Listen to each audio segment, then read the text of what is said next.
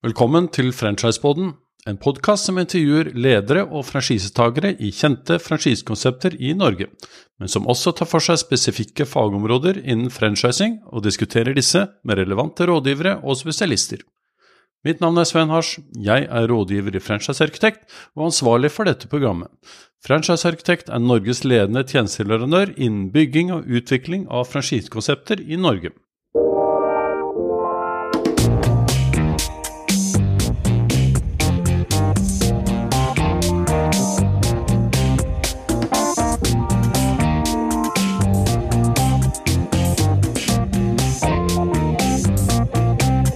I denne episoden av Franchiseboden skal vi snakke med en av Specsavers franchisetagere, nemlig Hanne Tem Enger fra Specsavers i Tønsberg. Hanne er vokst opp i en optikerfamilie og tok valget om å følge i familiens fotspor gjennom brillekonseptet til Specsavers. Vi får høre om hvordan forretningsmodellen er strukturert, og hva hun mener er viktig for å lykkes som franchisetager. Med meg som programleder har jeg Espen Vestli, direktør storkunder i Assets i Norge. Samtalen med Hanne er tatt via web, og derfor er lydkvaliteten ikke helt optimal, men hennes tanker er desto bedre. I dagens episode av Franchiseboden Franchisepoden så skal vi kikke gjennom noen briller, og nærmere bestemt optikkjeden Specsavers. Og eh, med meg som programleder så har jeg Espen Vestli, som er direktør for storkunder i Assets. Og ikke minst så har jeg en eh, vaskeekte franchisetaker hos Specsavers, nemlig Hanne Tem Enger fra Tønsberg, nærmere bestemt retail-partner Tønsberg. Hei, Hanne. Hei. Hvordan går det med deg? Bare bra. Hvordan er det i Tønsberg i dag? Du, Sola skinner og butikken går bra, så det er lite å klage på akkurat i dag. Har du solgt uh, flere briller under uh, pandemien enn du pleier å gjøre? Nei, ikke flere briller, men uh, omsetningsmessig har det gått uh, veldig bra. Vi har solgt, uh, solgt litt hva skal jeg si, ATV, som vi kaller det, eller gjennomsnittspris per brille har gått opp. Så,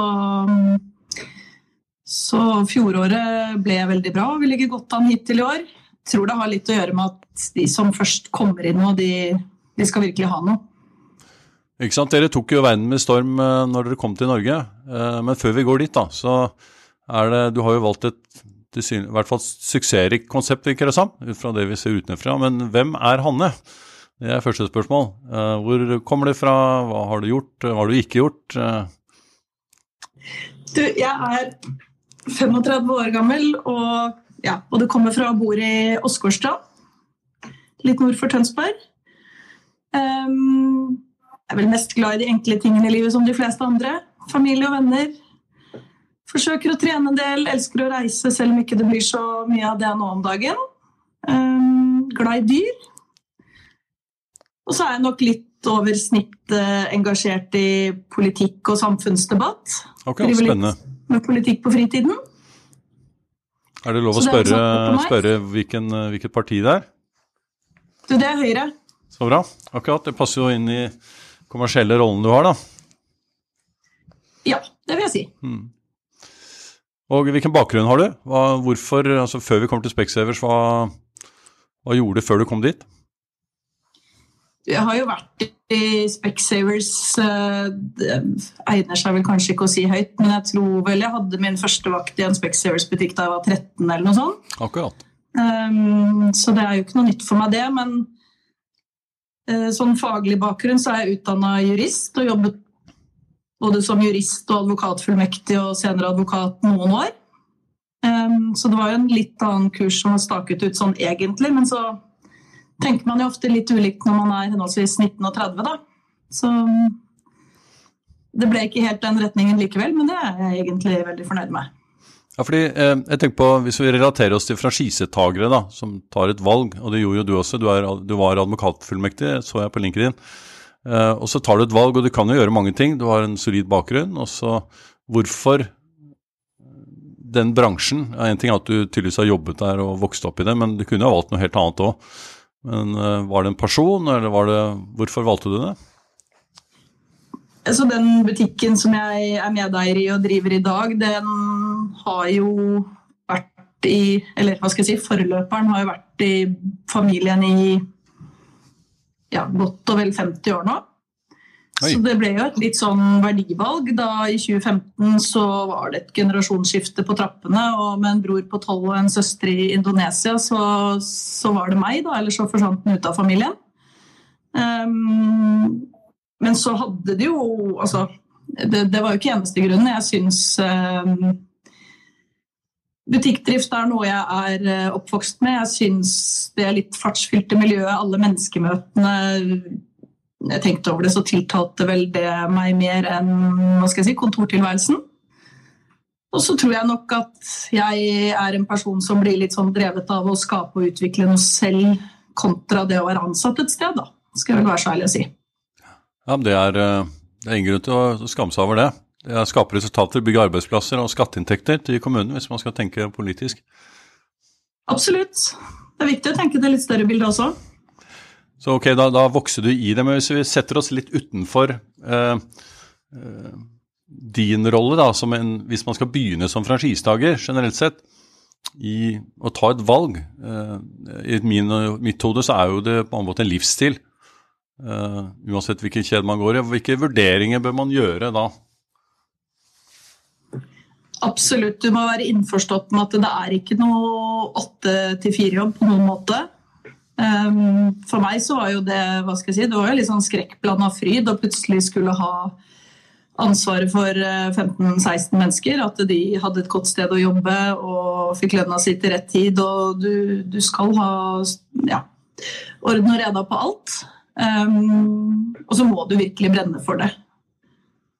Du må ha Et, uh, altså, målet kan ikke være å tjene penger, det får heller være resultatet hvis du gjør det godt. Men uh, jeg tror du må ha et oppriktig engasjement for den bransjen du er en del av, og du må ville legge ned timene som skal til, og um, hele tiden jobbe med å utvikle deg og medarbeiderne dine. Var det et uh, bevisst valg at det ble optiker, og at, uh, at det var Specsavers som var franchisegiver i dette? ja, det var vel ganske gitt. For meg så var det enten dette eller å fortsette som det jeg er utdannet som. Men når det er sagt, så var jeg jo veldig hva skal jeg si, innforstått med hva jeg gikk inn på. Um, jeg var jo med da, da holdt jeg på å si, familiebedriften gikk over til Specsavers. Vi var jo blant de første i 2005 og jobbet der i noen år. Og jobbet også i, på Specsavers i Fyllingsdalen gjennom hele studiet i Bergen. Så jeg hadde jo god innsikt i si, både bransje og konseptet Specsavers. Og jeg kunne ikke altså Skal jeg først være i bransjen, så er det absolutt det konseptet jeg vil være med i. Hvis du skulle gitt et eh, råd til en vordende franchisetaker, er det bransje eller eh, franchisegiver man eh, hvordan ville du gjort vurderingene? Oi, det er et godt spørsmål. Jeg tror jo at man kan lykkes i de fleste bransjer så lenge du har en god franchisegiver og et godt konsept, så jeg ville kanskje svart det siste. I forhold til eh, når du gikk inn i og, og tok over, eh, var det mye eh, vurderinger i forhold til framtid, økonomi etc., eller var det fordi at ruten var, eh, var såpass enkel inn fordi at det, det var familiebedrift etc.? Nei. Eh, hva skal man si? Man skal jo leve av dette her i forhåpentligvis 20-30 eh, år framover, så det var jo klart vi hadde jo grundige diskusjoner innad i familien og hva skal jeg si, snakket også mye med, med andre franchisetagere i systemet. Men heldigvis så Da jeg tok over, så var det en, en butikk som var eh, ja, god økonomi, ryddig drevet. Så jeg så vel egentlig bare hva skal jeg si, utviklingspotensialet. Ehm, men utvilsomt, du, i tillegg til det jeg var inne på i sted, at det er gøy å drive og skape noe selv, så er det jo ingen hemmelighet at man har lyst til å tjene penger. Så den forutsetningen måtte jo også være på plass. Og det Ja. Der har mine skal jeg si ønsker blitt hørt, og jeg har god tro på fremtiden også. Specshavers har jo en, en, en, litt annerledes forretningsmodell, som ikke så mange andre franchisetagere uh, kanskje bruker. Altså Vanligvis er det jo én franchisetager som har et hovedansvar for en bedrift, en butikk. Uh, I dette tilfellet så er det et partnerskapsmodell.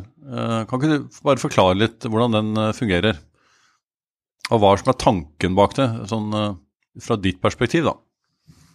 Ja, altså Optimalt sett i en Specsavers-butikk, uansett uh, driftsform, der er det jo litt uh, ulike alternativer, så skal det være uh, både en optiker og det vi kaller en retailer, da, eller en som har ansvaret for butikkdriften på eiersiden. Um, og jeg tenker jo altså Faget, det, si, den kliniske delen, det er jo grunnlaget for alt vi driver med. så jeg tenker at det er vanskelig å drive godt uten en optiker på eiersiden som har ansvaret for det. Eh, men så er det jo en symbiose, da. Eh, vi kan jo ikke legge skjul på at vi er avhengig av det salget som Altså eh, inntekten fra, fra briller og, og, kontaktlinser. Og en god optiker er jo ikke nødvendigvis en god retailer eller en god selger. De er veldig ofte litt sånn fagnerder, hvis jeg kan bruke det uttrykket, litt enspora. Så jeg har veldig troen på, på det konseptet, egentlig. Og ikke minst så tenker jeg at særlig optikeren da, får frigjort mye tid til å konsentrere seg om det de kan best. Eh, ivareta øyehelsen til folk og utvikle seg faglig heller enn å sette opp bemanningsplaner og ja Lære de ansatte nye kampanjer. Eh, stå på gulvet og selge briller når man eh, på en måte kan gjøre en mer verdifull jobb både for butikken, men også for samfunnet som sådan. Ja, det ene, så, sånn sett eh, sånn Fra en positiv side så er det ikke noe tvil om at uh, da kan optikeren holde seg oppdatert og følge med og være spesialist på det han eller hun kan. Og så kan du drive omsetningen. Uh, det virker jo sånn logisk. På den annen side, så hvis vi ser bort fra deres butikk, da, bare sånn generelt for kjeden sin del, så kan jo tenke seg at optikeren har sterke meninger om kampanjer og kunder og satsinger og fokus. Eh, hvordan håndterer man det? Men altså at man har u, hva skal jeg si, at i den grad man er to eiere, at man kan ha litt ulike oppfatninger om ting, det, det tror jeg vel kan skje uavhengig av hva skal jeg si, yrkesbakgrunn eller hvilken rolle du har. Eh, så det handler vel mer om at man må være at når du skal gå inn i et partnerskap, da, at man bruker god tid på det og er veldig sikre på at man er eh, at man vil samme sted og er eh, hva skal jeg si, i hvert fall i hovedsak enige om hvordan man vil drifte. og bruke tid på å utarbeide gode aksjonæravtaler og den type ting. Og Da antar jeg kanskje at Specsavers hjelper dere litt i forhold til eh, altså ting som må avklares, da, slik at man, i og med at det er de som introduserte den partnerskapsmodellen? Ja da, absolutt. Um, hva skal jeg si, Hovedkontoret er jo alltid involvert når en ny partner skal inn på eiersiden. Både i å kartlegge egnethet og personlighet og, og gjøre absolutt en jobb eh, for oss i så måte. Men til syvende og sist så er det jo de to partnerne i hver enkelt butikk som har det avgjørende ordet, og som må finne ut om man funker sammen, for å si det veldig enkelt. Ja, for er, jeg tenker på sånne, vi, eh, Både Espen og jeg har vokst opp med retail, da, og det, eh, det har for så vidt du også, men i mange andre forskjellige bransjer. Og, og, der er det i hvert fall har jeg lært en sånn uskreven lov om at partnerskap det er, en, det er ikke noe god idé, fordi man begynner å krangle om et eller annet. Men i dette tilfellet så er det jo slik at man har jo definert roller. ikke sant? Eh, man er tydelig på hvem som har ansvar for hva. Og da gjør det at dette fungerer veldig bra, ikke sant? fordi man, man har sine definerte roller, gitt at som du sier, at man i forkant går gjennom kaller sjekklisten da, på hvordan man skal drifte, slik at eh, man har, har diskutert ferdig eventuelle vanskelige eh, områder. da. Absolutt. Og så vil jo uenigheter alltid kunne oppstå. Det, men da gjelder det jo å ha, ha, gode verktøy for å løse de. Da. Altså enten forhåpentligvis at man hva skal jeg si, har et såpass godt forhold at man kan sette seg ned og, og diskutere ting og bli enig, men i, i, verste fall at man har en aksjonæravtale som løser ting.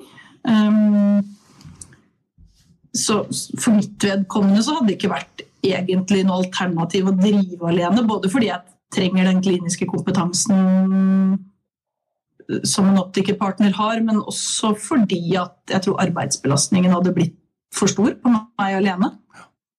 Ikke Vi sant? er jo et volumkonsept, og det er mange kunder som skal innom i løpet av en dag, og følgelig må vi ha mange ansatte, så det er eh,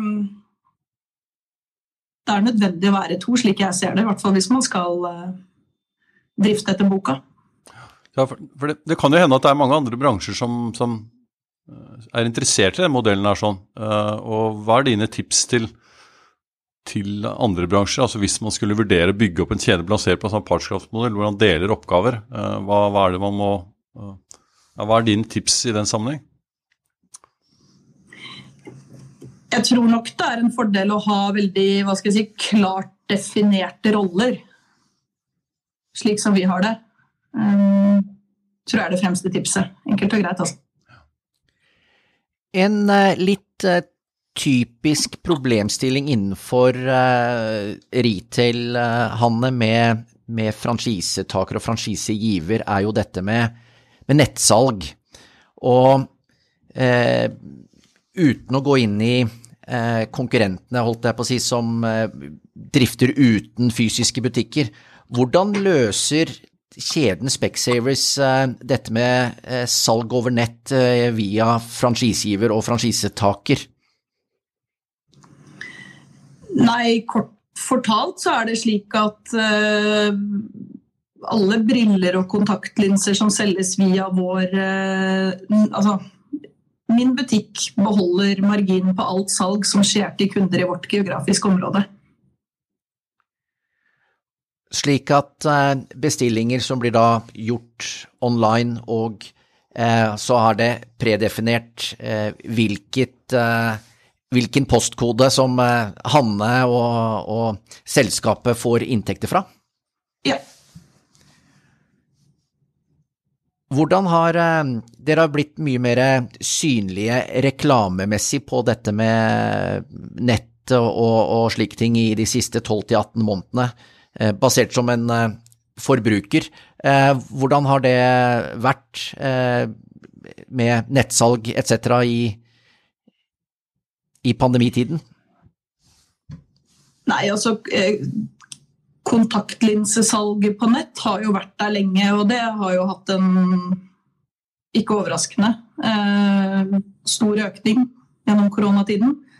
Og så åpnet jo Specsavers også nettbutikk eh, på briller. Snudde seg rundt og fikk gjort det ganske raskt i fjor vår. Eh, og det er klart, det tar jo vel tid å bygge opp en nettbutikk for briller, men vi er hva skal jeg si, foran budsjett.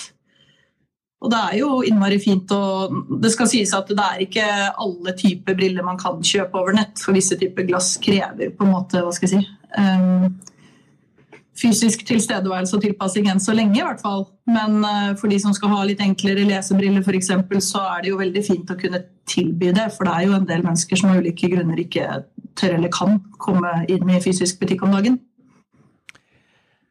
Er det mye klikk og hent, eller går mye av omsetningen direkte eh, uten at de har vært eh, innom din butikk for å, for å hente? Klikk og hent i den forstand du tenker på, har vi nok ikke. Altså, enten handler de i nettbutikken, så får de varen tilsendt direkte hjem. Um, for jeg tror Det hadde nok ikke hatt så mye for seg, de som hva skal, jeg si, skal ha kontaktlinser. De kommer inn og kjøper over disk, da er det lagervare. Det er ikke noe vi trenger så lang tid på å forberede oss etter klart. på en måte. Um, og en brille må produseres. Så hvis de først vil innom butikken og, og prøve osv., så, videre, så så blir det heller til at vi bestiller den, og så henter de en uke senere. Har det vært eh, utfordringer i kjeden i forhold til eh, satsing på, på nett i forbindelse med brytningen, inntektsdeling, hovedkontor, franchisetaker, eller har det gått eh, sømløst? Nei, altså all den tid eh, vi beholder all inntekten, så har det gått veldig sømløst. Og der er det vel kanskje også en fordel at Specservice er en stor grossist i, i, i tillegg. Eh, Andre, andre kjeder som vi kjenner har jo hatt eh, store utfordringer med, med fordelingsmekanismene. Ja. Nei, det har heldigvis vært veldig lite støy om det. Det har gått veldig bra. Og Det er jo eh, det som er smart der da, i forhold til den margindelingen, er selvfølgelig det at for å unngå i en franchisekjede at nettsalget blir en konkurrent til franchisetakerne, så, så, er man enig med at dette er et fellessalg, og målet er å få fornøyde kunder. Og eh, det var jo det når Specsavers kom på markedet og begynte å selge to for én og tre for uh, to, og i det hele tatt uh, så, så, tok man det markedet med storm, og så har man greid å fullføre det også med nettsalg, som ikke er noe selvfølge, at man skal gi fra seg marginen til franchisetaker, men det er, det, er, vel kanskje en av de riktigste modellene sånn sett, kan det virke som. Nettopp, og så er det jo nok litt enklere for Specsavers hva skal jeg si, tilby butikken en sånn modell, fordi at uh, de er jo produsenter og grossister og, og har alt selv, ikke sant, sånn at de får jo hva skal jeg si, solgt, Vi får jo selvfølgelig kostnaden på varen, så de Specsavers får jo solgt brillen til oss like mye som om kunden hadde kjøpt den i butikk. Hvordan, eh, et annet tema, hvordan opplever du Specsavers som rekrutterer? Altså det å finne riktige franchisetakere. Eh, hvis du da setter deg ut av din rolle, da, ikke din rolle, men eh, generelt sett. Hvordan opplever du det? Altså det å finne, Alle vet jo det at du må finne en god driver, eller helst to da, i dette tilfellet. Uh, og det er jo det er ikke noe lett jobb. Det er mange ting som skal stemme. Uh, hvilke, hvilke, tanker har du om det? Um, jeg syns Specsavers er veldig proaktive når det gjelder rekruttering. Det er klart En del av det er jo et samspill mellom butikkene og hva skal jeg si, hovedkontoret. Det er jo fort sånn at uh, partneren i en butikk identifiserer talenter og melder det oppover i systemet. og da er det et veldig godt eh, partnerutviklingsprogram, f.eks. Um, hvor man på en måte får innsikt i ja, veldig mange av de ulike elementene som det å drive virksomhet består av. Um, og så har man veldig proaktiv i forhold til universitetet når det gjelder rekruttering av Da er det jo hovedsakelig å rekruttere optikere, men det er jo framtidige mulige partnere, det også. Og så ser jeg jo at man er til stede i hva skal jeg si, alle relevante kanaler. Så jeg føler vel at de har et stort og godt fokus på det.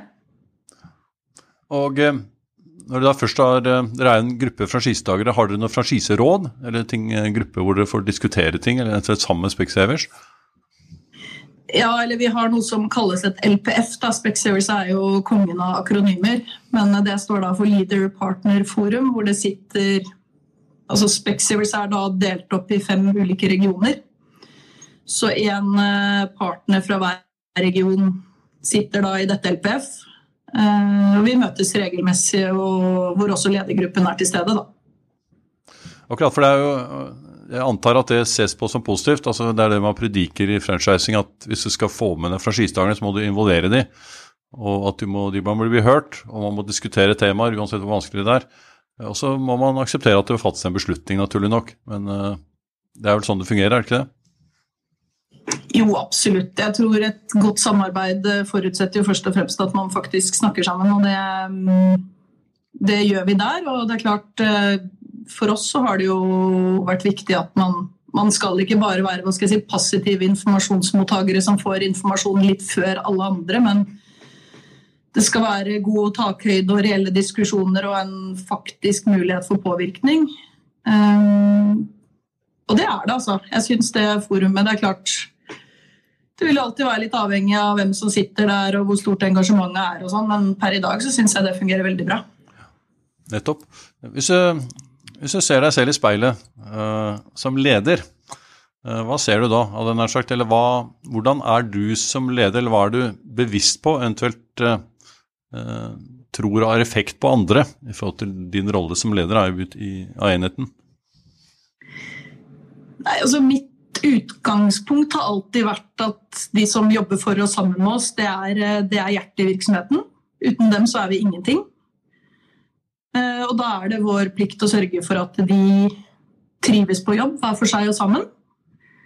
Så jeg forsøker etter beste evne å være empatisk og en, en, god samtalepartner. Jeg vil gjerne at folk skal tørre å komme til meg hvis det er noe, enten det er privat eller man uh, syns et eller annet ikke fungerer på jobb. Um, og forsøker å tilrettelegge og være så fleksibel jeg kan. Um, og så tror jeg det er viktig, eller jeg forsøker å være lydhør overfor endringer og forslag. For det første så er det jo veldig ofte andre som har bedre ideer enn det jeg har. Uh, og jeg tenker Når folk kommer med endringsforslag eller har noen ideer, så viser jo det bare at de er engasjert i virksomheten vår, og det skal vi applaudere heller enn å slå ned. Og så har jeg nok ikke troen på millimeterledelse. Jeg stoler 100% på at medarbeiderne mine tar, tar riktige avgjørelser. F.eks. hvis det skulle være en reklamasjonshåndtering, da, så er det ikke sånn at de må komme til meg for å få godkjennelse før de ja, om det er tilbakebetaling eller bestiller et nytt produkt. Vi driver heller ikke med sånn, hva skal jeg si, inn- og utstempling, at de har kontroll på pluss- og minustiden sin og forvalter den som de skal. Det har jeg troen på. Det, ja, jeg har i hvert fall til gode å brenne meg på det, da. Så det er vel sånn kort oppsummert. Det virker som du har en veldig det, moden og verdiorientert ledelse.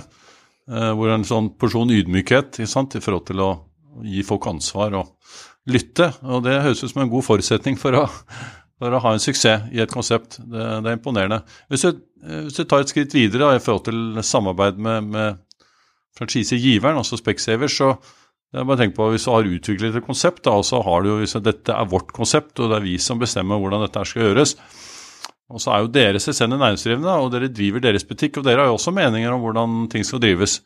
Hvordan, uh, hvordan håndterer, du sånne Eh, ting. En ting er at du har et fora, men det er kanskje ting som angår deg og deres butikk. Eh, og så diskuterer med Specsavers og sier nei, men vi, sånn gjør vi det her, eh, folkens.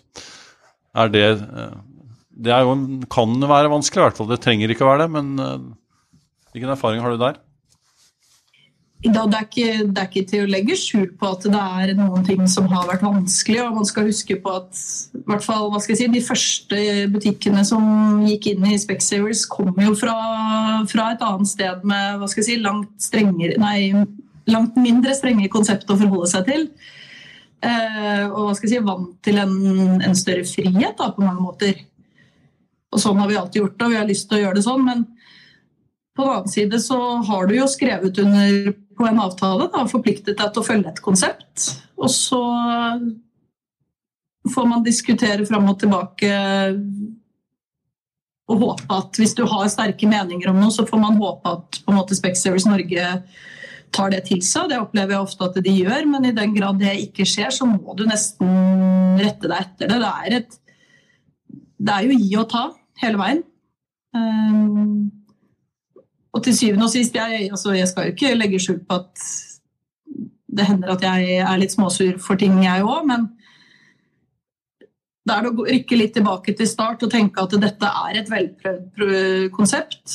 De som sitter på hovedkontoret vårt, uh, har antagelig bedre kompetanse på markedsføring enn meg, og da må jeg stole på at de har rett, hvis ikke jeg får gjennomslag for mine argumenter. Hvordan sikrer du, Hanne, at konseptet blir gjennomført i, i siste leddet, altså i, i, i, butikken? Nei, det handler jo om å tilrettelegge for at uh, de som jobber for oss, uh, hva skal jeg si, får delta på, på, den opplæringen og de kursene og sånn som trengs. Um, der er jo Specsavers virkelig gode, etter min oppfatning, når det gjelder intern kursing. Eh, og så har vi fått ganske nylig noe som heter Greenpoint, som er eh, en app som alle ansatte har på telefonen sin. Det er Specsavers rett i lomma. Eh, hvor de til enhver tid får oppdatering om nye kampanjer, nyheter, alt mulig ved et tasteklikk. Så det, det har jo gjort det veldig enklere på mange måter. Hvordan sikrer du som næringsdrivende at uh, årets mål og salgsmål etc. blir nådd i, i, din bedrift? Det handler jo om å For det første så må du jo sette deg noen mål, da. og der er det klart at vi blir jo målt på en haug med ulike kopier. Så da gjøres det jo en jobb en gang i år, gjerne, i samarbeid med regionsjef Eh, og så må man jo sekundere de lokalt selvfølgelig i løpet av året, men plukker ut en fire KPI-er hvor vi hva skal jeg si, ligger dårligst an i forhold til være seg regionsnitt eller kjedesnitt, og, og ha fokus og sette seg noen mål der. Og så må du også følge opp og snakke om hvordan det går underveis. Være åpen. Og så tror jeg nummer tre at det handler om å feire litt når vi klarer å nå dem. Og dele litt. Får du fra hovedkontoret, du snakket om eh, KPI-er etc. Er det enkelt for deg som eh, eh, næringsdrivende å, å, å, å få de KPI-rapportene og videreformidle til, til de ansatte? Ja, vi får jo rapporter daglig på en mengde KPI-er og, og, omsetning og alt vi trenger, egentlig. Og så får vi også ukesrapporter og månedsrapporter. I tillegg til at vi får eh, ja, regnskapsrapportene fra dere. Så hva skal jeg si, utfordringen er vel ikke tilgangen på informasjon, men mer hvordan man skal hva skal jeg si, plukke ut det som er For du kan ikke dele alt. Da blir det information overload, så du må plukke ut det som er relevant uh, for teamet. da. Og, og, ikke ha fokus på for mange ting på en gang, tror jeg. Hva ser uh, Hanne etter når du skal ha nye medarbeidere inn i bedriften din? Um, gode kommunikasjonsferdigheter både hva skal jeg si, verbalt, men også sånn kroppsspråk. Jeg vil ha Igjen, vi er et volumkonsept, så vi må ha folk som er litt eh, kvikke og blide og effektive. Eh, og så Hva skal jeg si Etter jeg kom inn og har begynt å rekruttere, så har jeg nok hatt større fokus på mangfold enn vi hadde. Det var mye damer i en viss aldersgruppe da jeg kom inn, men eh, nå er det i større grad ulik alder, ulik ja, både menn og kvinner, og med litt ulik etnisk bakgrunn, f.eks. Så det syns jeg også er viktig, å, å finne en miks av ulike personligheter. Og så liker jeg folk som hva skal jeg si, brenner for noe, da. Har et engasjement litt utover bare seg og sitt. Spennende. og det, det er vi inne på noe som, eh, som, jeg snakket med deg om eh, litt tidligere før denne samtalen. her, og Det er det med å drive to butikker kontra én. Man har jo tenkt på å drive én butikk, og så vil du gjerne åpne en til, og kanskje enda en. Um, og tenkte at jeg kan jo drive én butikk, så da er det ikke noe problem å drive to. Uh, og kanskje tre år for den saks skyld. Um, hva er din erfaring der? Altså Min mor hadde jo to butikker, og det hva skal jeg si, du er, eller det er veldig fort gjort at den ene blir litt stemoderlig behandla. Jeg tror at du må du må være ute på gulvet i den butikken og selge. altså. Gå foran som et godt eksempel og møte kundene og være sammen med og blant eh, medarbeiderne dine. Og det, du kan ikke dele deg i to, så det går ikke hvis du har to butikker. Når det er sagt, så vet jeg om eksempler innad i vår kjede hvor eh, folk har lykkes godt med det. Men da har man kanskje gjort det sånn at én partner har litt mer ansvar for den ene butikken, og den andre tar seg av den andre i større grad, da. Men jeg har vel mer troen på at du får ha 100% fokus på det du driver med på et sted, at det kanskje gir best grunnlag for å lykkes, da uten at man skal greie alle under én kam. Nei da, og det er vel en sånn eh, ja, intern sannhet i kjedet ditt også. At uh, enten har du kanskje mange, la oss si tre, fire, fem stykker, hvor du organiserer det på en helt annen måte. Eller så er du dedikert til din butikk og din enhet. Og det er vel det du sier, ikke sant. At da er det klart, tilstedeværelse er vel for alle nøkkelen til at man både tjener mer penger og selger mer og får bedre bedriftskultur, skulle jeg tro. For man er til stede og følger opp. Jeg tenker det, eller det har i hvert fall vært vår erfaring. Men igjen, jeg vet at eh, andre lykkes med noe annet andre steder. Men så handler det jo litt om personlig hva skal jeg si, kapasitet òg, da. Du har jo de som ikke har noe mot å jobbe fra hva skal jeg si, sju om morgenen til ti på kvelden hver dag og bruker helger og all tilgjengelig tid. Så det er jo også et valg man må ta. da, at du får en kanskje litt bedre balanse mellom jobb og fritid hvis du kun har én butikk å forholde deg til. I forhold til uh, Specsavers, uh, Hanne, som uh, kjede med egeneid ID, er det noen forskjeller for deg som franchisetaker versus egeneid? Nei, det er vel ikke så mange butikker som er egeneide, men det er sånn joint venture-konsepter hvor kjeden riktignok er inne på eiersiden, men i tillegg så har man hva skal jeg si, partnere som står for den daglige driften. Da. Så, så vi har ja, Det er vel kanskje noen få, men det er få sånne rene hva skal jeg kalle det, filialbutikker. Um, når det gjelder forskjell mellom franchise og JV-butikker, så tror jeg ikke forskjellen er så stor, nei. nei og... Jeg opplever at hva skal jeg si, partnerne i, i JV-butikkene er eh, like engasjerte og dedikerte, og vi er jo Vi følger jo nøyaktig samme konsept. Det er mulig det er litt det er litt andre finansieringsløsninger sånn for å komme inn på eiersiden i en, eh, en JV-butikk som kanskje gjør det altså gjør inngangsbilletten litt enklere. Og så på den annen siden så har vi i franchisebutikkene kanskje hakket mer frihet når det gjelder Jeg er jo ikke JV-butikk, så jeg vet ikke helt hvordan det er. men når det gjelder lønnsfastsettelse og nivå på utbytte og den type ting, så vil jeg tro at vi kanskje har noe mer vi skulle ha sagt.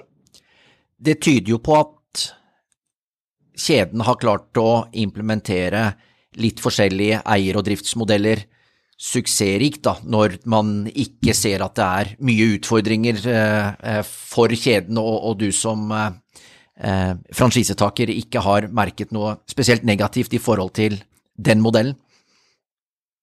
Nei da, og jeg var jo litt spent på det da jeg kom inn i dette LPF, som er det samarbeidsforumet vi har med, med hovedkontoret hvor det også sitter eh, hvor noen av representantene kommer fra JV-butikker, om på en måte de skulle være hva skal jeg si, mer servile og mindre kritiske og ikke tørre å heve røsten så høyt. Men det, det opplever jeg ikke. Det virker Altså, vi er veldig på linje, og, og det er god takhøyde også for dem. Så det er veldig betryggende å se at de virker som de på en måte drifter sine butikker veldig på samme måte som jeg gjør, at Specsavers ikke legger seg så, ja, så veldig mye mer eh, borti dem enn de gjør i oss, for å si det sånn. I forhold til at vi har eh, vi, vi, vi står midt i, og forhåpentligvis kanskje på slutten av en, eh, en pandemi, hvordan har statens støtteordninger og slike ting truffet dere som, som bedrift? Eh, vi fikk jo ta del i kompensasjonsordningen i mars og april i fjor. Og for all del, vi skal jo være fantastisk glad for at vi bor i et land som eh, bidrar når du blir stengt ned over natten. Men det er nok ikke Hva skal jeg si Det var jo permitteringer som hovedsakelig gjorde at vi kom ut av de den andre enden sånn uh, greit i behold. Uh, og ikke hva skal jeg si, den støtten isolert sett. For I forhold til de kostnadene vi har, så var den jo forsvinnende liten. Selv om vi selvfølgelig er veldig takknemlige for den hjelpen vi fikk. Nei, det er interessant å, å se. Vi, vi, opererer jo i, i, flere land, og det skulle nok gjerne vært mer, men det, det vi har vært ganske eh, heldige i Norge som eh, fikk eh, ganske mye, og at det ble administrert relativt effektivt da, fra sentralt hold. Ja, og det jeg tror som egentlig på mange måter var viktigere enn kompensasjonsordningen, var jo at man hva skal jeg si, forkortet arbeidsgiverperioden på permittering, og ikke minst at de ansatte fikk lønnskompensasjon med hva skal jeg si, full lønn en periode og også bedre dagpengeutbetalinger. Da, for det, jeg var ganske, Vi har alltid sørget for å ha god likviditet og, og være rusta for å takle en henvarsdag. Så jeg var aldri bekymret for at ikke vi skulle klare oss gjennom det. Men jeg tenkte mye på de ansatte. altså Det var vondt. Ja, Det kan jeg tenke meg. Og uh, nå er det jo heldigvis uh, lys i tunnelen. I hvert fall Det sier jeg til meg selv hver dag. Eh, men hvis du ser i krystallkulen, hva, hva, ser du der? Hvor er du med konseptet ditt og tankene dine og dine planer om du når fremover? Ja, det er eh, Hva skal jeg si? Jeg tenker jo Man må jo alltid ha en idé for fremtiden som er litt annerledes enn sånn man ser verden i dag, da. Um, men nå går det fort, altså. Det er uh, i vår bransje også. Det er uh, netthandel som vi var innom i sted. tror jeg Det er ikke en utvikling som kommer til å reversere seg, så der må vi være til stede. Nytt klinisk utstyr. Kundene blir jo ikke, hva skal jeg si, de stiller ikke lavere forventninger til oss. Tilgjengelighet, åpningstider. Når de først bestemmer seg, så vil de jo gjerne ha synsundersøkelse på minuttet. og der, eh, Alt dette er litt skummelt, men vi må bare forsøke å henge med i svingene så godt vi kan. Um, det er på det litt mer generelle nivået. Sånn for egen butikksvedkommende så Vi er jo blant de største butikkene i kjeden både når det gjelder volum og omsetning, og vi har ikke noen planer om å falle ned på den lista, for å si det sånn. Tvert imot. Eh, så har vi lokaler som er litt sånn på tålegrensen med tanke på videre ekspansjon, selv om vi gjorde en større ekspansjon, ekspansjon for to år siden. Så det er jo positivt, men jeg kan ikke utelukke at noe må skje. Men sånn på overordnet nivå så er jo planen å si, være foretrukne leverandører av synsundersøkelser og, og, briller og linser i vårt geografiske område og, og være, være, markedsleder. Det virker som du har en veldig bevisst eh, holdning til både deg selv og til din forretnings- og dine medarbeidere. Så det er helt tydelig at du eh, kommer til å lykkes fremover. Så Hanne, tusen takk for at du var med i Franchiseboden. Takk for at jeg fikk komme. Vi hørte Hanne Tem Enger snakke om forretningsstrukturen til Specsavers, rollen som franchisetaker og sin bevissthet som leder for å bygge et godt team rundt seg. Det spennende Specsavers er først og fremst forretningsmodellen, hvor de opererer med to partnere som franchisetakere, en optiker og en forretningsutvikler. En god del erfarne retailer vil si at en kontrakt med to partnere som driver sammen, fort kan føre til gnisninger, og at man derfor skal være forsiktig når man går inn i slike samarbeid. Dog er det her litt annerledes, da rollene er så tydelig atskilte. Dermed er det færre potensielle konfliktområder, slik at har en først blitt enige om en avtale og premissene rundt denne, kan det derfra lettere fokusere på å bygge god business. I tillegg hørte vi Hannes bevissthet rundt det å følge konseptet, fordi konsepteier forhåpentligvis har tenkt en del gode tanker i forkant av f.eks. For nyintroduksjoner, slik at franchisetakerne kan forholde seg til dette og fokusere på bygging av kunderelasjoner og salg. Er en uenig i visse ting, gjelder det heller å føre frem konstruktive argumenter i kjedenes forhandlerråd, hvor begge parter lytter til hverandres forretningsforståelse og krav. Det høres ut som en god franchisemodell som mange kan lære av.